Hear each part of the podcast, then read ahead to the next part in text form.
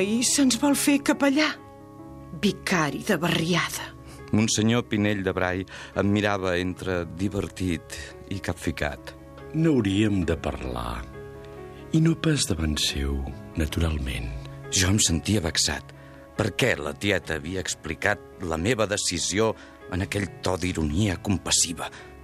Vaig quedar-me darrere la porta. Volia escoltar la seva conversa.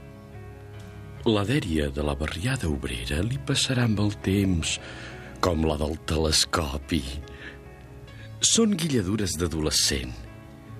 D'aquí que acabi els estudis, té temps de reflexionar. La seva idea no és pas tan esbojarrada com et penses. La majoria dels bisbes efectius surten del clero secular. A més, un secular pot conservar la seva fortuna, ja que no fa vot de pobresa. Hi ha coses més importants que la fortuna. Jo mateixa ho estic donant tot als pobres.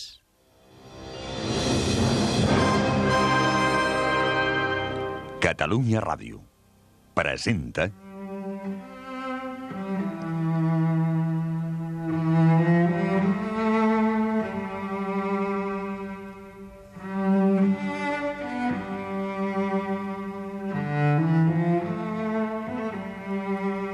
Incerta Glòria, de Joan Sales, en una adaptació lliure per la ràdio d'Oleguer Sarsenedes. Muntatge Ramon Albero. Direcció Juan Germán Schroeder.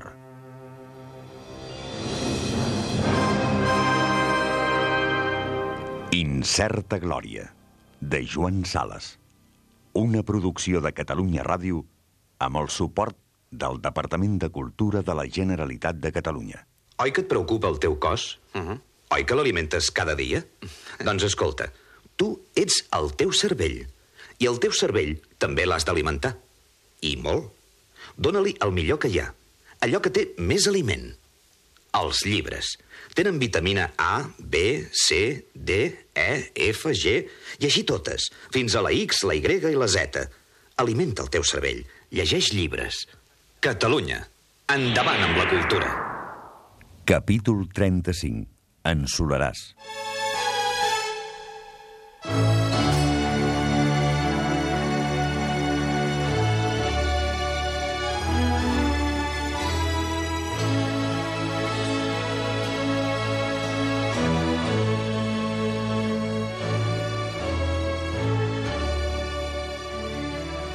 Fins a la guerra no vaig tenir cap amic.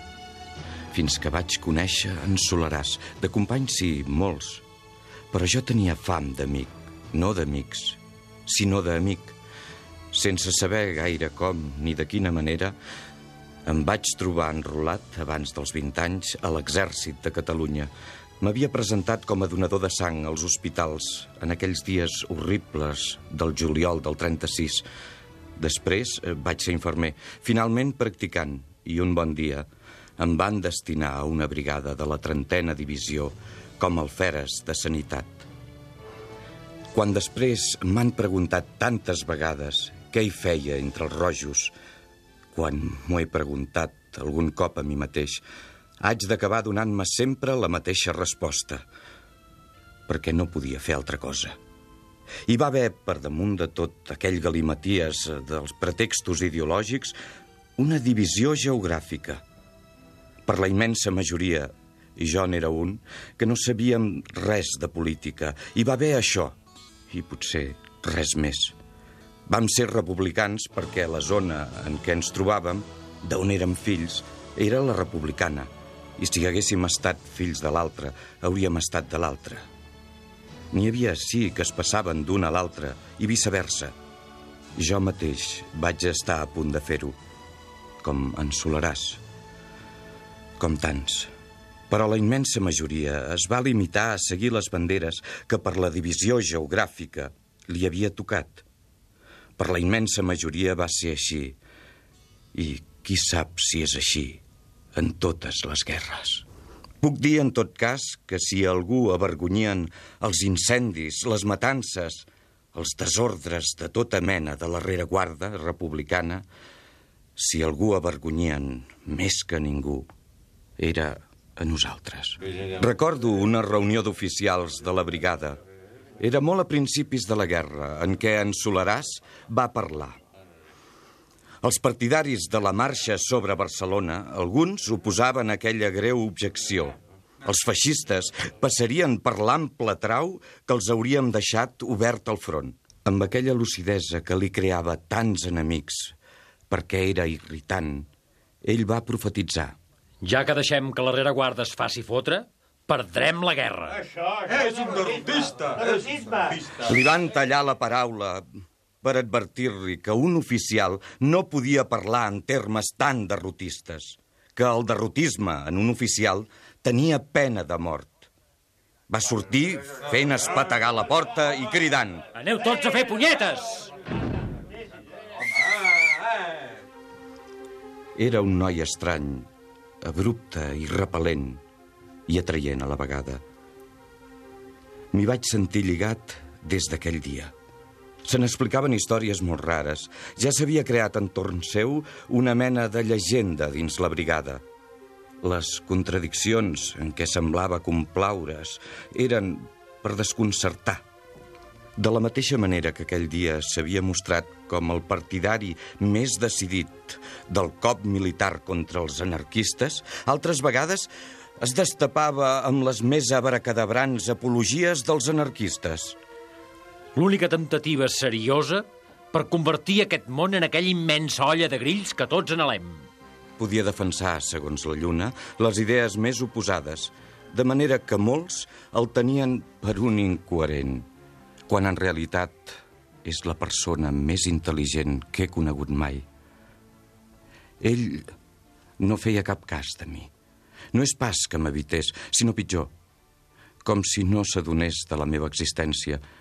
Un dia jo li parlava d'aquella reunió d'oficials per expressar-li la meva adhesió al que ell havia dit. Li deia que sospitava la presència de gens molt tèrbols entre els agitadors de les bandes d'assassins que terroritzaven Barcelona. Per mi, es tractava més que de sospites vagues, ja que coneixien la moneda. En Solaràs em va tallar. Això que dius és una banalitat. No val la pena de parlar per dir obvietats com aquestes.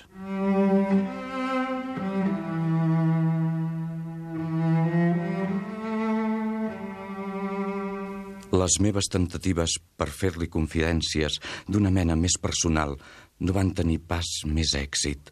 Ell les deturaven a l'acte. Tots tenim ties que sospiren perquè ens passem a l'altra banda.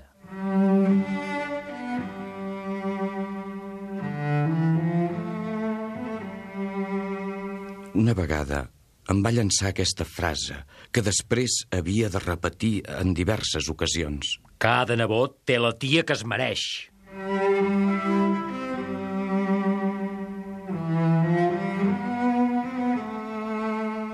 Malgrat les seves rebufades, jo tenia per en Solaràs una viva estimació. El seu cinisme no m'imposava. L'endevinava un solitari ple de riqueses doloroses i secretes. Quan per rareses de conducta en el curs d'una batalla que ara no havia tom el van desposseir del seu càrrec de tinents de metralladores, vaig anar a manifestar-li la meva amistat inalterable. Jo hi anava amb tot el meu candor, ben gran encara en aquella època. El vaig trobar al magatzem d'intendència de la brigada, entre caixes de pots de llet i sacs d'arròs i de cigrons. Assegut damunt un dels sacs estava tot absorbit llegint un gros volum. Seu. Pensava precisament en tu, ja que ets alferes de sanitat. Hauries de dir-me amb exactitud quins són els símptomes de la balenorràgia. Els seus eterns estirabots. Però aquell dia jo no me'ls esperava. No t'ho prenguis així, carai. No es tracta pas de mi. Es tracta d'un tal Casanova. Potser n'ha sentit a parlar. Casanova de Sengel, venecià de professió. Les seves memòries en tenen preocupadíssim. Si l'hem de creure, es curava de les seves calipàndries amb tanta facilitat com les atrapava. És possible? En el segle XVIII cal donar-ho com a impossible, fora d'un miracle. Un miracle. Seria formidable per curar-se d'una calipàndria d'aquesta mena. Però Casanova era volterià. Cal descartar la hipòtesi del miracle. No he vingut a parlar de Casanova. Potser has vingut a clavar-me una tabarra de política? En aquella època encara es parlava força de política a la brigada. Se'n parlava tant que tothom va acabar, poc abans de l'arribada d'en Lluís, per fastiguejar-se'n. Vam acabar fent bonament la guerra, ja que érem al ball, sense trencar-nos més el cap. En Solaràs m'assenyalava els sacs de cigrons. Vet aquí com faig heroicament la guerra als feixistes. És a dir, els dolents. Nosaltres cridem, morin els fatxes!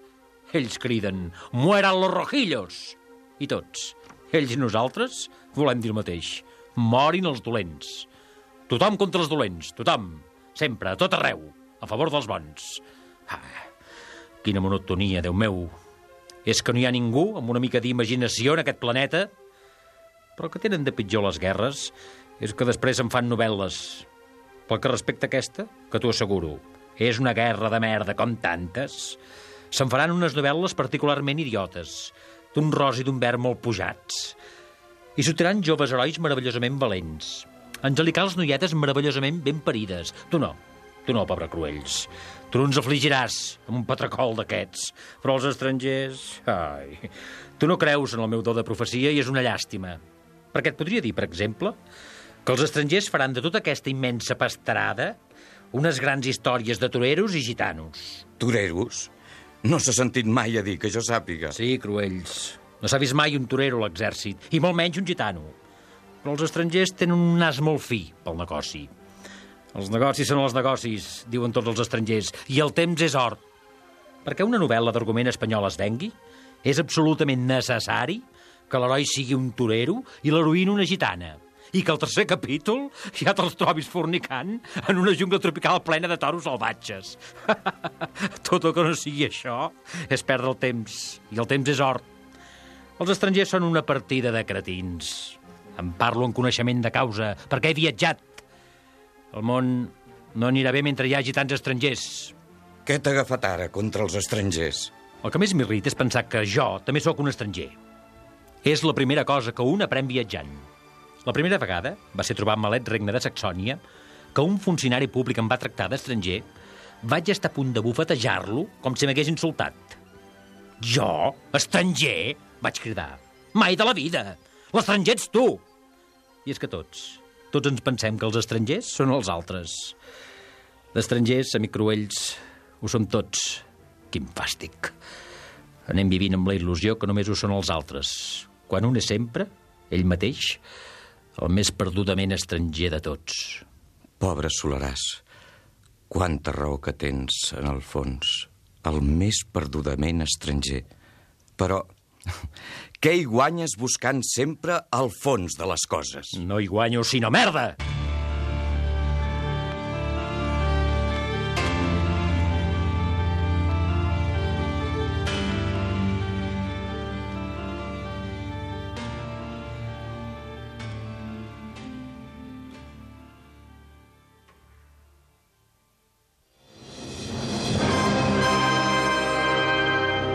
Heu escoltat el capítol 35 d'Incerta Glòria, de Joan Sales, amb les veus de...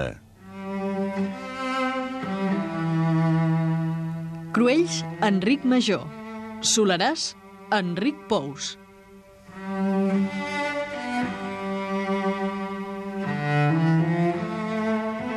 Incerta Glòria, de Joan Sales, una producció de Catalunya Ràdio.